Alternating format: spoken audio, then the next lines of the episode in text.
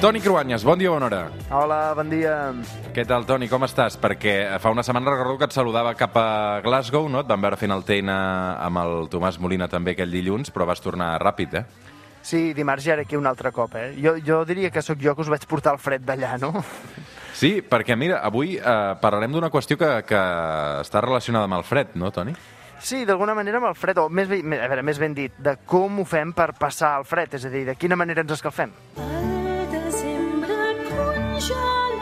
S'acosta Nadal, eh, la campanya de fet ja ha començat de Nadal i tot i que encara falta un, un mes i mig, però sí que ha començat el fred especialment aquesta setmana i eh, s'acumulen els problemes de, de, amb els preus de l'energia, la llum, el gas. Què està passant, Toni? Tot, tot, tot. Europa es pregunta com ens escalfarem, mm, pensant en Nadal, pensant en hivern.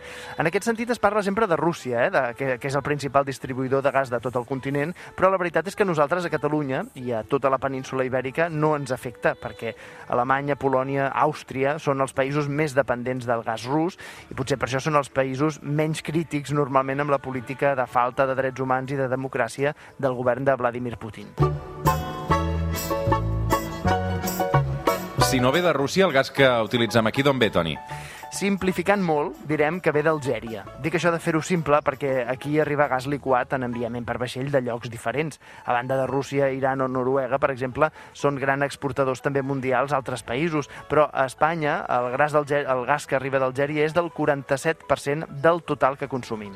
De fet, els jaciments de gas són al mig del desert al Sàhara. Eh, com, com s'ho fan perquè arribi fins aquí?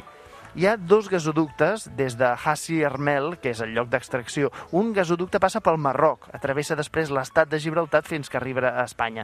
L'altre gasoducte s'estalvia passar pel Marroc, però en canvi travessa el mar d'Alborán, arriba per Almeria. Precisament aquesta setmana, després de 25 anys sense problemes, ara s'ha tancat el gasoducte que passa pel Marroc, que és el més segur i és el més gran perquè Algèria i el Marroc tenen obert un conflicte pel peatge dels marroquins sobre aquest gas algerià que travessa Marroc i ve cap a Espanya. I la pregunta que ens fem tots és hem de patir per si ens quedem sense gas? En principi no hauríem de patir, però sí que això posa al descobert, primer, que Europa té una feblesa evident en la falta de recursos energètics, i això ens fa dependents de països tercers. En alguns casos són règims dictatorials, com Rússia o el Marroc, per exemple. Segona cosa que posa al descobert, que en aquests moments Algèria i el Marroc estan passant per una crisi diplomàtica molt forta que pot fer presagiar tot tipus de problemes. I per què es barallen el Marroc i Algèria, Toni? A veure, són les dues potències que es disputen el lideratge del Magrib. Si anem enrere, fins al segle XVIII, podem dir que abans de la colonització europea eren països que col·laboraven, que s'entenien. Cal tenir en compte, eh, però, que llavors només era important la part costanera d'aquests països. El Sàhara no pertanyia a ningú. Algèria, a banda del nord fèrtil per l'agricultura i, i els ports importants d'Alger i d'Urà, no hi havia res més. La resta era desert, ningú no hi tenia interès. Però amb els francesos, a partir del 1830, la lluita pel poder colonial va portar que s'anés augmentant el dibuix de fronteres per tot arreu i França aleshores va establir que Algèria es convertís en un país que, de fet, multiplica per 5 la superfície del Marroc.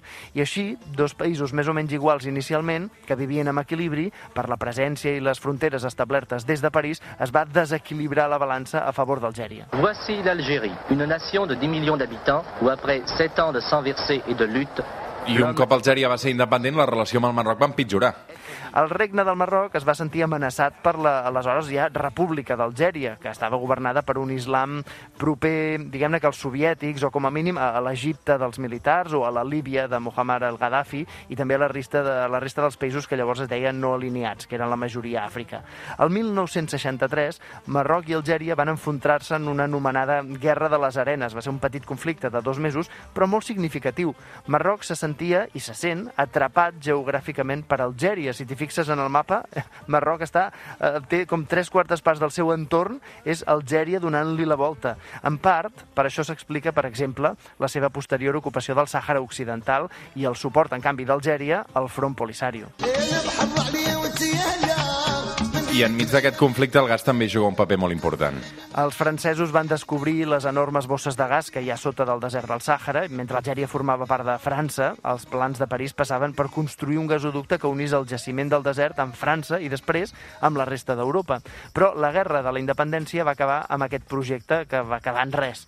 Dècades més tard, capital europeu va invertir en l'explotació del gas d'Algèria, que és ara, de fet, el principal negoci del país. I Sonatrach, que és l'empresa estatal del gas del gas és una de les empreses més importants, no del país, no, de tot Àfrica. Ah, Sempre hi ha un català que apareix al mig i capgira la història, no? Sí, el nostre personatge avui és eh, Pere Duran Farell. És un enginyer, visionari. Als anys 60 va veure la possibilitat que Espanya i Portugal aprofitessin aquest potencial del gas d'Algèria. En aquells moments hi havia molt bona relació d'Espanya amb el Marroc i, per tant, es va construir aquest gasoducte que, tot i que ser procedent d'Algèria, passava pel Marroc. De fet, de fet, fins i tot un tram d'aquest gasoducte rep encara el nom de Pere Duran Farell.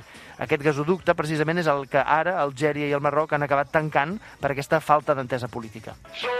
El pol sud es va fotre ja fa 20 anys. No existeix l'hivern i no baixem de 30 graus. Hem perdut aquest... Avui arribarem a les 9 del matí amb Lil Dami, amb una cançó que es diu 2080 i que parla d'un futur apocalíptic a causa de la crisi climàtica. Que el pas que anem, Toni, mm, veurem com hi arribem. A veure, avui hem intentat explicar un petit capítol d'aquesta història de l'energia que consumim. Cada vegada això serà més important, eh? I com diu Lil Dami, si no fem un canvi de xip de les energies fòssils amb aquesta transició energètica, el planeta acabarà malament. Salut i ràdio, Toni, una abraçada. Bon diumenge.